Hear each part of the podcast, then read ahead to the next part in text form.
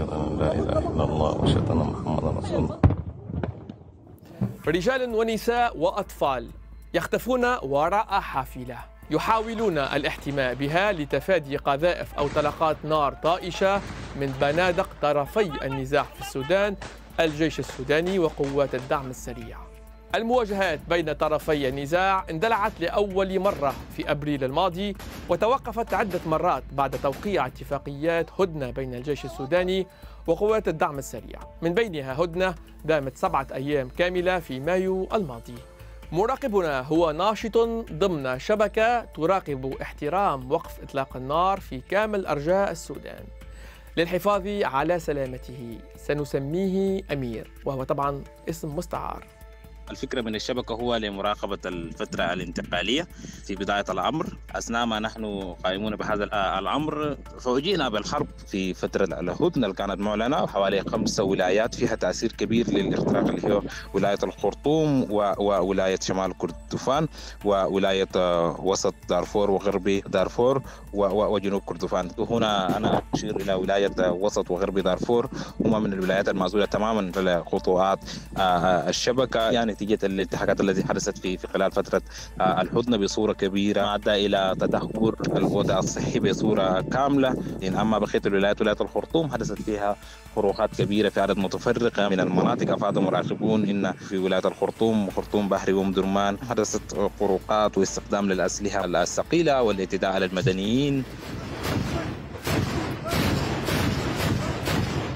هنا أشير إلى أنه القطف والاختفاء والتفتيش في الطرقات فيما يخص وصول المساعدات أيضا للمدنيين فأفاد على حوالي 63% من المراقبين بعدم وصول مساعدات إنسانية في المناطق. الناشطون يستخدمون استمارة تحقيق لجمع البيانات ثم يقومون بنشر تقارير دورية عن النتائج التي توصلوا إليها. الإجابة بأن المراقبون موجودين على الأرض وهم على معرفة بالقوى المهيمنه على المنطقة المعينة. بالإضافة إلى إنه الزي الذي استخدمه الجيش مختلف عن الذي استخدمه قوات الدعم السريع. وهنالك عدة منتجات يعني تدخل في المعادلة قبل وضع التقرير يعني.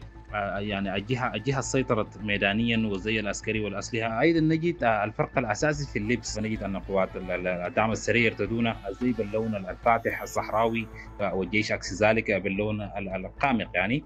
ثانيا الأسلحة المستخدمة أيضا يعني الدعم السريع هم يستخدمون الأسلحة الخفيفة والمتوسطة وينتقلون لسيارات رباعية الدفع الجيش عكسهم هم يعني يستخدمون يعني عربات أو سيارات ثقيلة. من قبل الطرفين لم يتم احترام أي هدنة ف كان من المتوقع إنه الهدنه الأخيرة تكون هي بمثابة بداية لهدنه ممكن تكون طويلة الامد لكن للأسف لا زال الانتهاكات مستمرة. الأمم المتحدة قالت إن النزاع في السودان خلف مئات القتلى في صفوف المدنيين وأجبر أكثر من مليون شخص على النزوح والفرار من بيوتهم.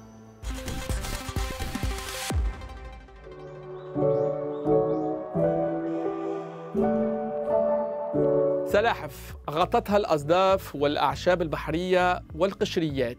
تنظف بالسكاكين.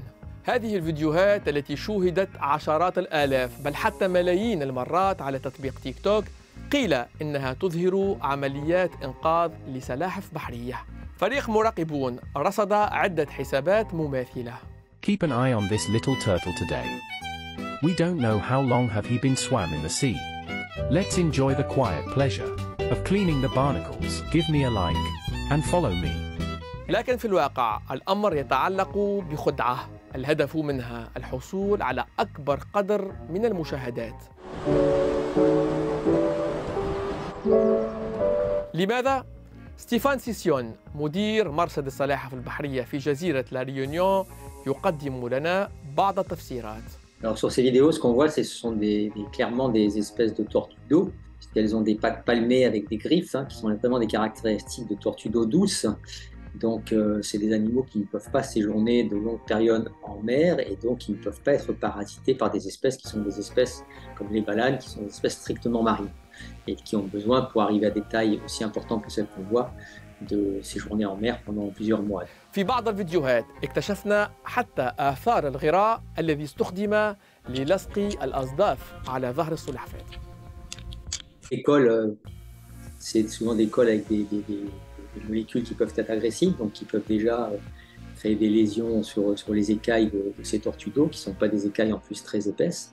Et puis ensuite, les retirer une fois qu'on vient de les coller, c'est encore une autre occasion de, les blesser. Donc c'est très clairement des, des, causes de stress pour ces animaux.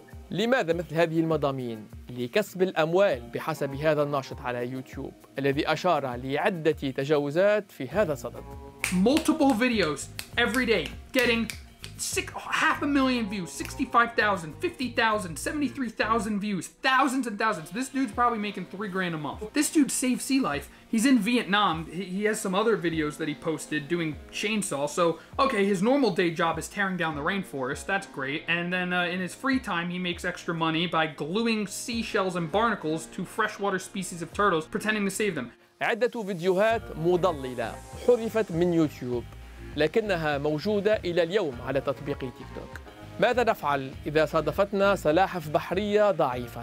مراقبنا يقدم لنا بعض النصائح Mieux quand on trouve une tortue qui, qui, qui, qui s'échoue comme ça sur le littoral parce qu'elle est affaiblie, ça arrive en, en hiver, le mieux c'est de contacter le centre de soins le plus proche. Il y en a plusieurs, il y en a plusieurs en France, aussi bien sur la côte atlantique que sur la côte méditerranéenne. نظريا لا يمكن للأشخاص غير المؤهلين الاقتراب من السلاحف البحرية لأنها حيوانات محمية بموجب اتفاقيتين دولية وأوروبية بهذا نكون قد وصلنا وإياكم مشاهدينا إلى ختام هذه الحلقة من برنامج مراقبون. إلى اللقاء.